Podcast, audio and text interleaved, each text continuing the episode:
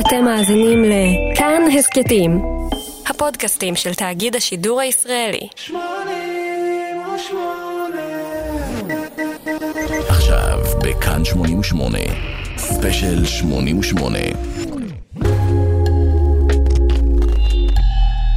במרס 1964 ובאוגוסט 1966 נולדו שני הבנים של זמר הקאנטרי ג'רי אבט. ויני פול אבט, האח הבכור, ודרל לנס אבט, האח הקטן. הם נולדו בטקסס, ארצות הברית, אין יותר דרומי מזה ואין יותר קאנטרי מזה. אבל דווקא שני האחים הדרומיים, הבנים של איש הקאנטרי, יקימו את אחת מלהקות המטאל החשובות של שנות התשעים, להקה שפיתחה ופרסמה תת-ג'אנר חדש, גרוב מטאל.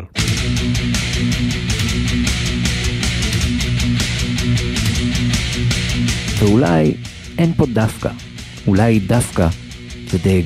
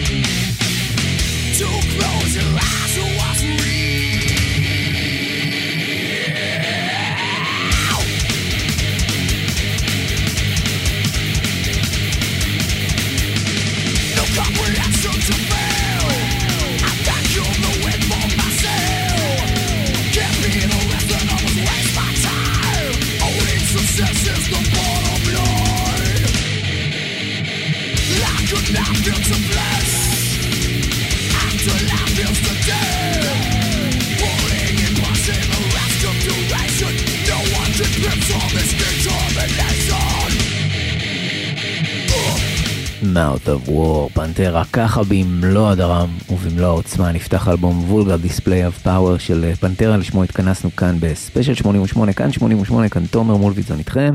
חוגגים 30 שנה לאלבום האדיר הזה שיצא ב-25 בפברואר 1992 השיר הזה שפותח את האלבום נכתב על פי סולן אה, פנטרה בהשראת אלוף האגרוף במשקל בינוני באותם ימים, ג'יימס טוני, ובמרכזו הרעיון שצריך ואפשר לתעל שנאה וזעם למשהו חיובי ופרודקטיבי, כמו אגרוף לדוגמה, כמו ספורט, כמו מוזיקה. וזה עבור אנשים מסוימים חלק מהמהות של מטאל, לא?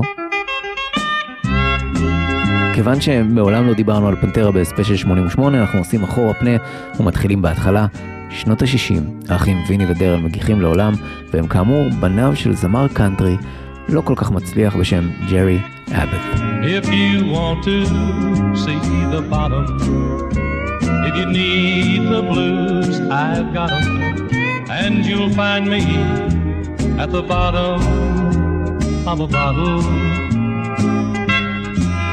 If it's heartaches that you're needing, cause you just found out she's leaving, well, you'll find me at the bottom of a bottle. The bottom of the bottle is a place where losers live. A place to go when you want to hide your tears. So just forget your troubles. Drink up and watch the bubbles. You're always welcome to the bottom of the bottle.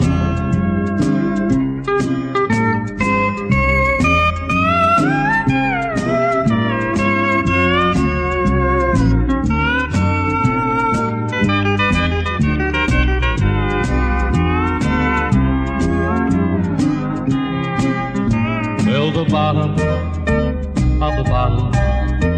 That's a place where losers live A place to go when you want to hide your tears. So just forget your troubles. Drink up and watch the bubbles.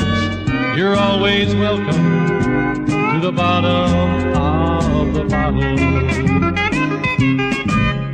The bottom of the bottle, ג'רי אבט.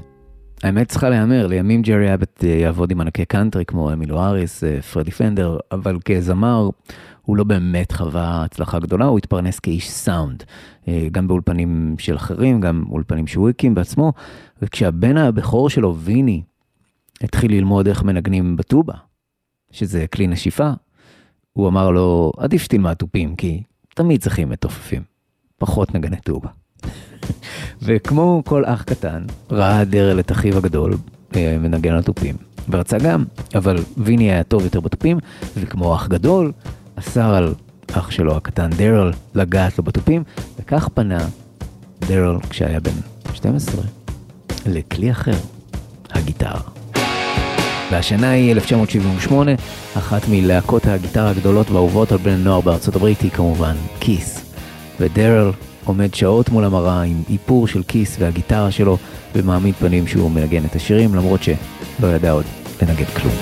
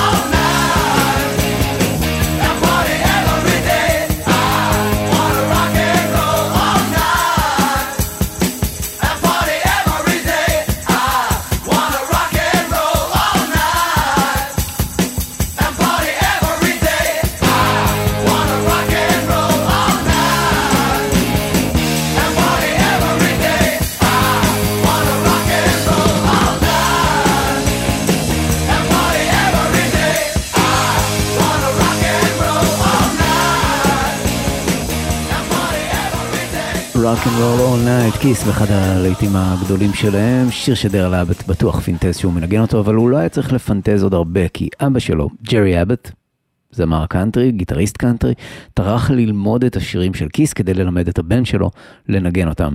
ובמהרה דרל הפך לגיטריסט מחונן. כשהיה בן 14 הוא השתתף בתחרות גיטריסטים בדאלאס, טקסס וניצח. הוא ניצח בתחרויות נוספות בסביבה עד שביקשו ממנו שיפסיק להשתתף ויתחיל להשתתף, לשפוט. בתחרות כדי שאנשים אחרים יוכלו לזכות במקום הראשון ולא רק השני. כשנה אחר כך, ב-81, כשהוא רק בן 15 וויני בן 17, הם מקימים את להקת פנטרה יחד.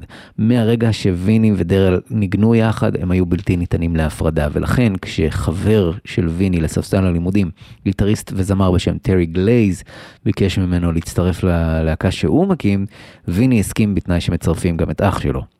אחרי מספר שמות שונים, חבר של ויני אמר לו, תקשיב, אתם חייבים לקרוא ללהקה פנטרה. פנטרה? מה זה פנטרה? הוא שאל.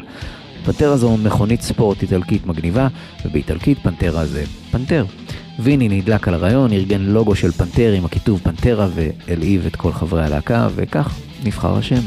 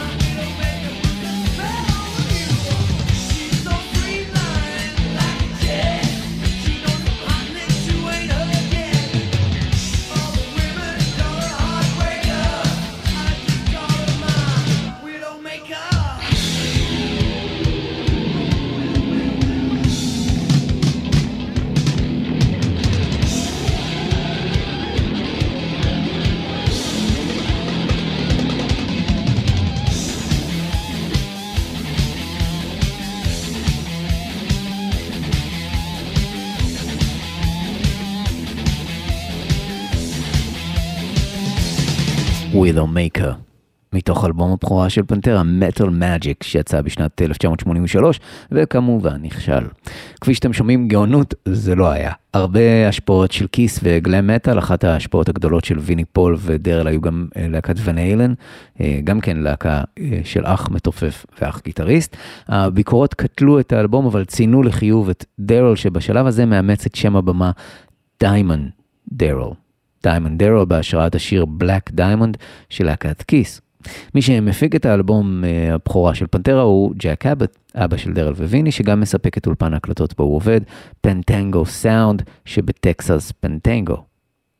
ובגלל שם האולפן הזה, שם העיירה הזו, הרבה אנשים חושבים שפנטרה נקראת פנטרה כעיוות של השם פנטגו, אבל על פי ויני פול זו שטות גמורה, והעניין הוא אותו, אותה מכונית בשם פנטרה.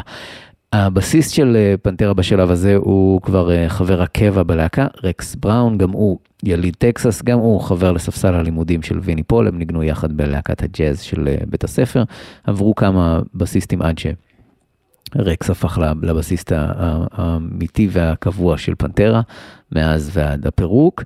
אמ, אגב, הוא נקרא בשלושת האלבומים הראשונים של פנטרה רקס רוקר. כמו שדרל מכונה בקרדיטים דיימונד דרל, וטרי גלייז שינה את, את שמו לטרנס לי.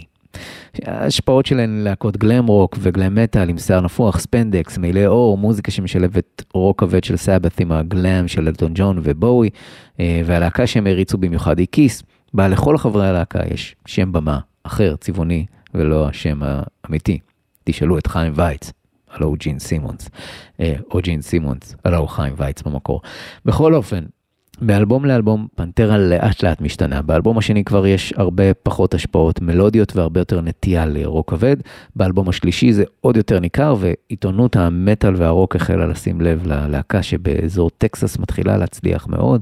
אה, מתחילה להופיע במועדונים אה, גדולים לפני שבכלל היו בגיל החוקי להיכנס אליהם. וג'רי אבט הפיק והקליט את שלושת האלבומים הראשונים של פנטרה, שיצאו כולם בלייבל Magic, אה, שהוא יצר כדי להפיץ את הלהקה של הילדים שלו. אב מעורב ומשקיע, אב השנה, אב המאה, צריך להגיד. באמת, לא, אני לא ציני, כאילו. אה, זה, זה מרשים כמה הוא אה, דחף אותם למוזיקה. גם האלבום הרביעי, Power Metal, שיצא במאי 88, יצא בהפצת מטאל מג'יק והופק בידי ג'ק אבט, רק עם שני שינויים משמעותיים מאוד. סולן חדש ונטישה עוד יותר מובהקת של הגלאם מטאל לטובת תת-ג'אנר חדש שהלך והתפתח ונקרא טראש מטאל. להקות כמו אנטרקס, סלייר ומגדת' הוציאו בדיוק שורה של אלבומי מופת של הז'אנר שהושפע מפאנק והיה מהיר יותר ואגרסיבי יותר מכל מה שקדם לו. טקסטואלית הוא היה בוטה יותר ורציני יותר, הימים הם ימי שלטון רייגן, סיפורים על מפלצות או שירים על בנות זזו הצידה לטובת טקסטים ביקורתיים על הממסד, על הנצרות, על מלחמות. בגדי הספנדקס, האיפור וספרי השיער זזו הצידה לטובת ג'ינסים קרועים וטישרטים. בחוד החנית של הז'אנר עמדה להקת מטאליקה, והאלבום השלישי שלה, Master of Puppets.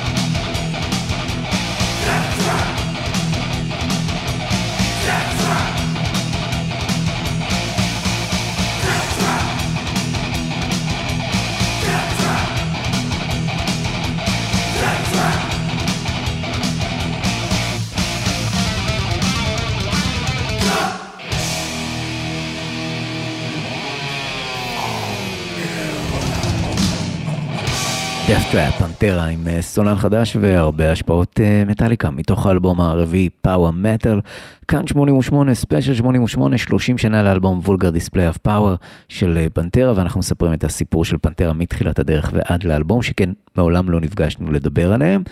עצרנו באלבום הרביעי בשינוי לכיוון הטרש מטאל בהשפעת מטאליקה. זה חייב כאמור שינוי בסולן ועל כן פנטרה נפרדת באלבום הרביעי מהסולן המקורי טרי גלייז שהושפע יותר מגלם מטאל ואחרי שנה של חיפושים הם מצאו ילד בן 19 מניו אורלינס בשם פיל אנסלמו. אנסלמו הקים את אה, הלהקה הראשונה שלו בתיכון ועזב את הלימודים בשנתו האחרונה כדי להשקיע במוזיקה ואנסלמו כל כך הרשים אותם שהוא צורף במקום. אבל האלבום הראשון איתו כמעט והיה האחרון של פנטרה, אה, שכן הלהקה לא הלכה לשום מקום. ודיימונד דרל, זה עתה קיבל הצעה להצטרף ללהקת הטרש מטאל השנייה בגודלה אחרי מטאליקה, מגדף.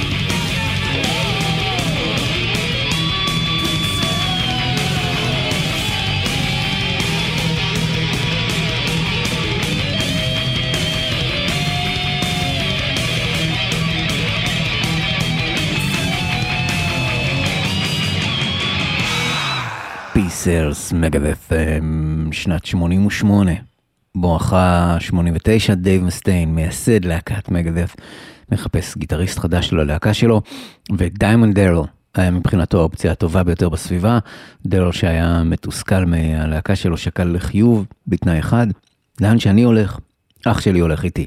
מסטיין לא היה זקוק למתופף, הוא בדיוק סגר את הפינה הזו וויתר, ולכן דרל וויני נשארו עם פנטרה. אבל וואו, זה היה יכול להיות מדהים, אה? דייב אלפסון, דייב מסטיין, יחד עם דיימונד דרל וויני פול. Damn. לימים, אגב, דרל יקעקע על גופו שורה משיר של מגדף, אבל לא ניכנס לכל הפרטים האלו עכשיו. בכל אופן, האלבום פאוור מטאל שפנטרה הוציאה עם הסולן החדש פיל אנסלמו, אנסלמו, זה לא מתגלגל על הלשון השם הזה, סימן אה, שינוי במוזיקה של הלהקה אבל לא עד הסוף זה עדיין לא היה שם למעשה פנטרה. על מעט חבריה אה, שנותרו בחיים, עדיין מתכחשים, מתכחשת לארבעת האלבומים הראשונים. באתר הרשמי של הלהקה, האלבומים לא מוזכרים ברשימות האלבומים שלהם, הם לא ביצעו כמעט שירים מתוכם בהופעות, מאז יצאו אה, עד שהתפרקו, ודי קשה להשיג עותקים של האלבומים האלו. אחרי צאת האלבום הרביעי, הלהקה התכנסה לישיבת להקה עם ההבנה שצריך להביט קדימה ולהעמיק את הסאונד הכבד לכיווני הטרש מטאל, וויני פול אמר לכולם, תראו, בגדי הקסם האלו, הוא התכוון לספנדקס ומעילי האור, לא עושים את המוזיקה, אנחנו עושים. בואו נעלה להופיע מעכשיו עם בגדים נוחים, ג'ינס וטישרט, ונראה לאן זה מוביל. וזה הוביל למקום הנכון. השינוי במראה שיקף את השינוי בסאונד ואת האימוץ של הטרש מטאל, אלא שהטרש מטאל של פנטרה בחומרים שהחלה לכתוב לאלבום הבא, לא, היו, לא היה כמו זה של מטאליקה, של מגדף, של סלייר או אנטרקס. ארבעת אבות המזון של הטרש מטאל. פנטרה נשמעה כמו משהו חדש.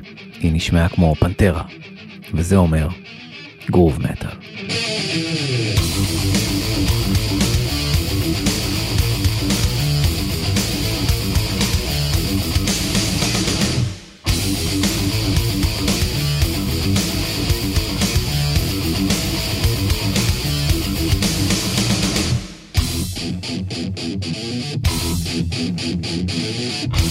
Thank you.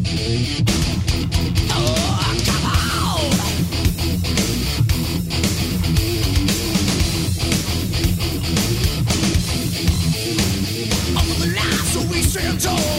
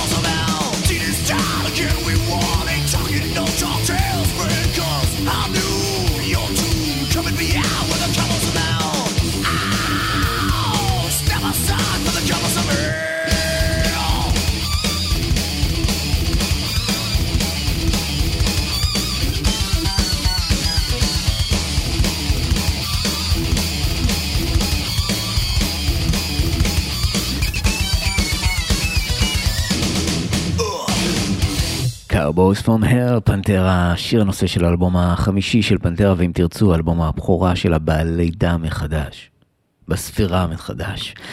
זה גם אחד השירים הראשונים שנכתבו לאלבום, ולמעשה התווה את המשך הדרך. הוא התחיל מריף גיטרה של דרל שהשמיע אותו לאנסלמו, אה, שישר אמר, אנחנו חייבים להפוך את זה להמנון, וזה אכן הפך להמנון של פנטרה. אנחנו מטקסס, כן כן, להקת מטאל מטקסס, לא המקום ממנו להקות כאלו מגיעות. זו הייתה הצהרת כוונות, We're taking over this town. From Hell יצא ב-24 ביולי 1990, הוקלט גם הוא באולפני פנטנגו סאונד סטודיו, איפה שג'ק אבט עבד, אבל הפעם הוא לא הפיק את האלבום, והאלבום לא יצא בלייבל שלו. הפעם פנטרה שיחקה במגרש של הילדים הגדולים וכבשה אותו. אחרי שלטענתם חברות תקליטים שונות סירבו להחתים אותם כמעט 30 פעמים, חברת תקליטים אתקו שלחה נציג להופעה של הלהקה. הנציג מרק רוס הגיע להופעה והלהקה ידעה שהוא בקהל, אבל אחרי כשלושה שירים הוא נעלם והם שמו לב. הם חשבו לעצמם, נו, הנה עוד סירוב שהזדיינו, סליחה על הביטוי. אבל בסוף ההופעה, מרק רוס שוב הופיע. הם שאלו אותו לאן הוא נעלם, והוא ענה, רצתי למצוא טלפון כדי להגיד לבוס שלי שחייבים להחתים אתכם. לימים הוא יגיד בריאיון, אחרי השיר הראשון הלסת שלי נפלה לרצפה, הכוח שהיה בזה, האטיטיוד, היכולת המוזיקלית, הכל העיף אותי, הפתיע אותי, הייתי צריך להיות אידיוט כדי לא לזהות כמה זה מדהים. איך מישהו יכול היה לראות את החבר'ה האלה בלי להגיד, holy shit. המפיק שאטקו הצמידו אה, לפנטרה היה טרי דייט. הוא נבחר בזכות העבודה שעשה עם סאונדגארדן על האלבום השני שלהם, Louder Than Love, והשילוב בין היכולות הווקאליות של אנסלמו עם המנעד הקולי הבלתי נגמר שלו, לבין חטיבת הקצב האדוקה והגרובים של ויני פול ורקס, כשבמרכז נגינת הגיטרה האלוהית של מי שהיה אז עוד ידוע בשם דיימונד דרל, יצרו תחת ההפקה של טרי דייט את אחד מאלבומי המטאל החשובים של שנות התשעים. והנה אחד הרגעים המופלאים של דרל בעיניי, הסולו פה הוא פשוט אחת הפסגות שלו. The Sleep.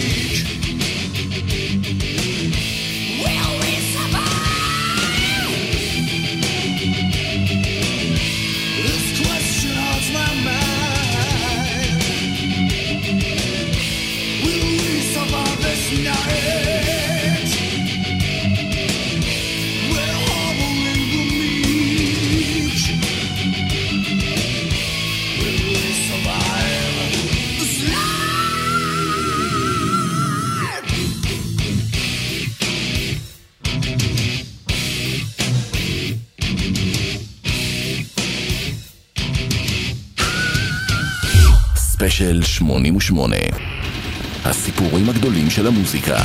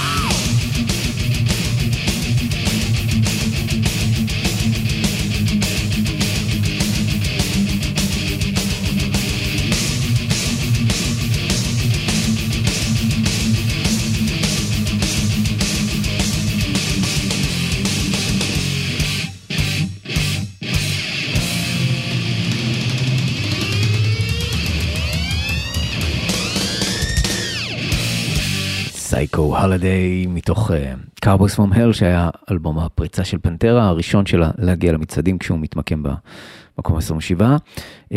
Cowboys from Hell נחשב לאחד האלבומים החשובים והמשפיעים בהיסטוריה של המטאל ובכלל בעיני רבים הוא נחשב לאלבום הגרוב מטאל הראשון תת ז'אנר שמושפע מטרש מטאל אבל בניגוד אליו שם במרכז את כובד המוזיקה אם תרצו יותר מאשר המהירות שעמדה במרכז הטרש, הגיטרות הכבדות יותר, השירה משלבת growling וצרחות גבוהות מאוד לצד שירה מאוד מחוספסת, אה, שנוגעת גם בנמוכים ולא רק בגבוהים. הקצב כבד יותר במקום להיות מהיר יותר ויש שימוש אה, רב בסינקופות, שזה בלי לסבך יותר מדי, אה, לשים את הדגש במקום הלא צפוי, כלומר off beat, או לדלג על הפעימה הצפויה ולהשאיר חלל ריק. זה לא או-או, זה פשוט כמה סוגים שונים של הסברים. אה, אפשר גם לטעון שהוא מושפע הרבה יותר מבלוז, אה, דרך הפילטרים של להקות רוק כבד שהגיעו מעולם הבלוז, כמו בלק סאבת. והגרוב מטאל מאוד מאוד השפיע, זאת אומרת פנטרה מאוד מאוד השפיע על מה שיקרה בעידן הניו מטאל. אה, גם השפעות של היפ-הופ שייכנסו למוזיקה, השתלבו מצוין עם המורשת הזו ש, שפנטרה התחילה ב Cowboys from Hell, אבל בואו לא, לא נסבך יותר מדי בשיח הזה. הפסגה של Cowboys from Hell בעיני רבים היא כמובן השיר הבא, בלדה אודות מותה של אהובה והמחשבה ללכת בעקבותיה רק כדי למצוא דרך להיות איתה שוב, קרי, העולם הבא. אנסלמו אמר בעבר שהשיר נכתב על חבר טוב שהתאבד, אבל בלי סממנים אישיים, כי חשש שזה יהיה נדוש מדי שיגידו שהוא מנצל את הטרגדיה. כשלהקות רוק כבד מאוד עושות בלדות, איכשהו כל העוצמה השקטה הזו הופכת לדבר מושלם, בעיניי לפחות.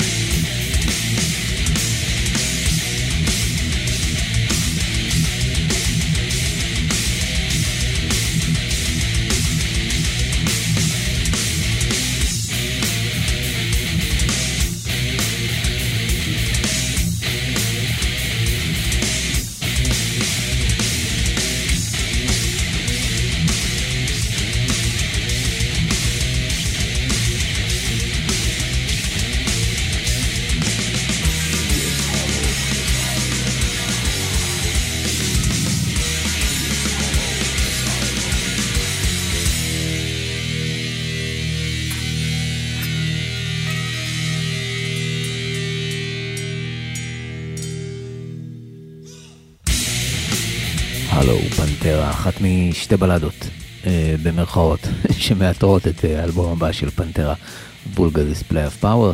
השיר הלו אה, עוסק בחבר שנכנס לקומה קשה והופך לצמח ולא לא, לא, לא מתקשר כמובן, אבל לא מדובר פה על מישהו ספציפי בחייו של פיל אנסלמו. אנסלמו, אני ממש מתקשה עם השם הזה, אני מצטער, זה, זה, אלה הרגעים שהדיסלקסיה שלי מתעלה על כל כישורי הרדיו שלי. אה, יש מצב שאני הרבה פעמים מעוות שמות ואפילו לא שם לב, אז אני מתנצל. אמ, לתחושתי, השיר הזה, זה לא מבוסס, כן, אבל לתחושתי השיר הזה מושפע מאוד מוואן של מטאליקה. מתוך אחד האלבומים הכי כבדים של מטאליקה, זה כמעט נקודת המבט של החברים של גיבור השיר וואן.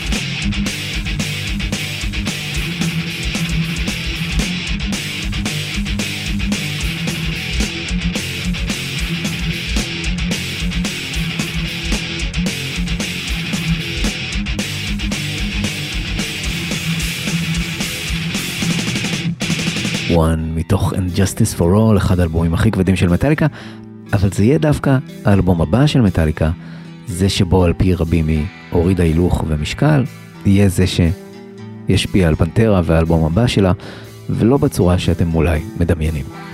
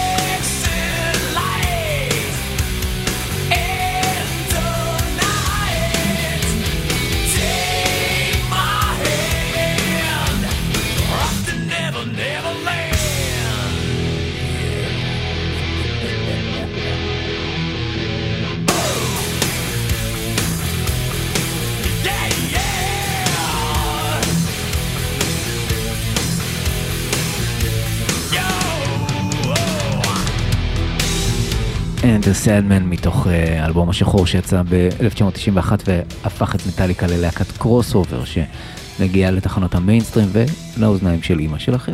ובעיני רבים ההצלחה הזו נעשתה בזכות פשרות, הנמכת גובה הלהבות לטובת המיינסטרים, הורדת הילוך משמעותית, התמסחרות אם תרצו. בשביל אוזניים לא מזוינות זה אולי נשמע כבד בדיוק כמו כל שאר הדברים ששמענו, אבל עבור רבים בקהילת המטאל זו הייתה אכזבה. המנהיגה של הטרש מטאל שינתה את הוראה, וכשזה קרה, פנטרה הרגישו שמטאליקה פינו להם את הבמה, והם צריכים למלא את החלל. הם צריכים להוציא את האלבום הכבד ביותר שהם יכולים להוציא, והתוצאה הייתה וולגה דיספליי of power. A new level of confidence and power.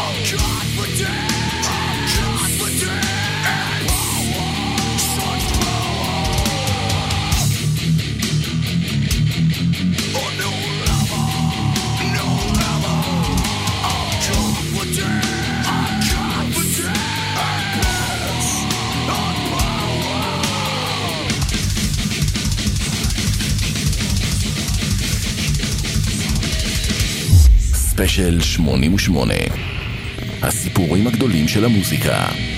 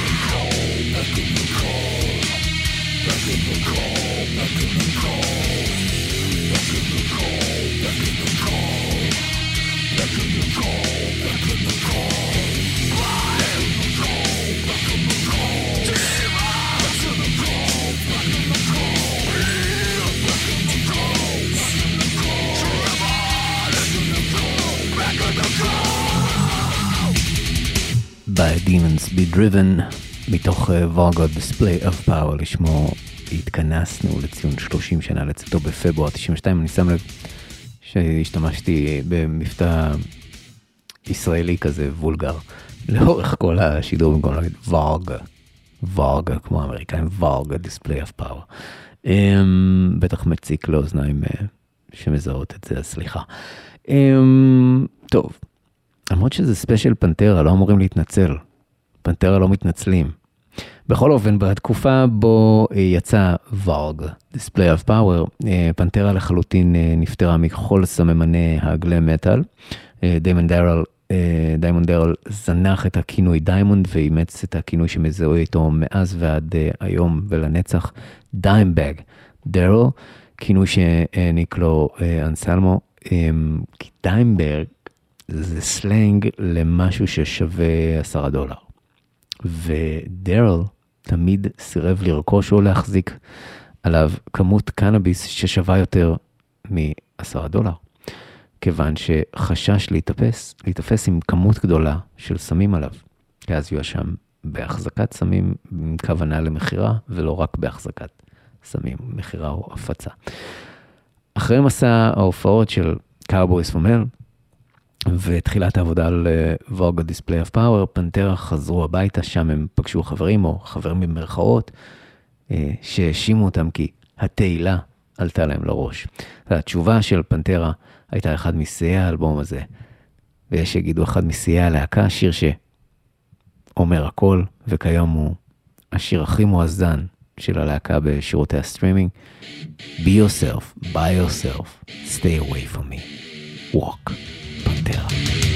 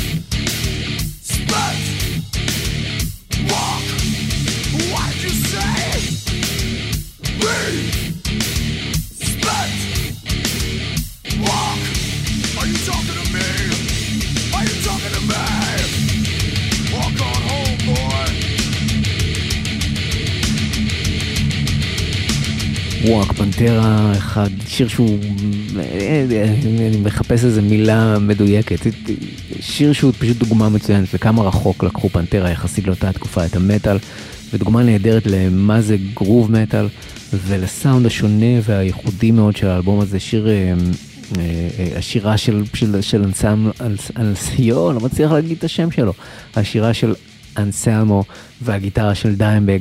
והם פשוט לקחו הכל לרמה חדשה. צריך לומר שאין מספיק מילים כדי לתאר כמה מוכשר וייחודי היה דיימבג דארל, גיטריסט כל כך יצרי וטכני בו זמנית, עם השפעות בלוז בתוך המטאל שלו, אגרסיבי אבל מלודי ורגיש. והגרוב שרקס וויני יצרו, באמת ויני אחד המתופפים הכי underrated של המטאל, ובכלל הגרוב שהשניים האלה יצרו משרת כל כך טוב את ה... הנגינה של דיימבג, את היכולות של אנסלמו. Vulgar Display, Vulgar Display of Power היה אלבום מכונן שהשפיע עמוקות על הכיוונים אליהם מטאל עתיד להתפתח, כולל nu metal שישלוט ב-MTV לכמה שנים בסוף ה nineties, תחילת האלפיים. והסינגלים מהאלבום היו השירים הראשונים של פנטרה שנכנסו אי פעם למצעדים. Walk הגיע למקום ה-35 בבריטניה.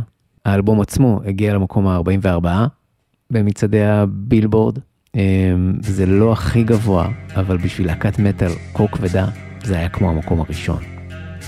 ואחד השירים שכמובן משכו את האלבום הזה למעלה, הוא אולי השיר הכי טוב של הלהקה הזו, בעיניי. ואם אתם רוצים להתווכח אז בסדר, אחד הכי טובים שלה, וללא ספק, אחת מבלדות המטאל הגדולות בכל הזמנים, אין הרבה מה להסביר עליו. It is what it is, it's a fucking love song.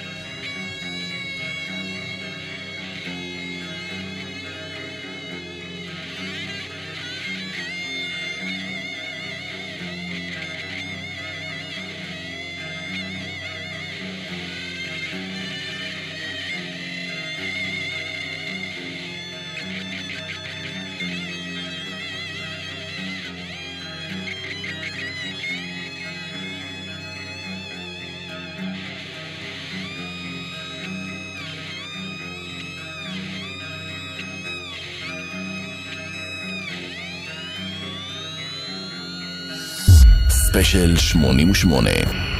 הסיפורים הגדולים של המוזיקה.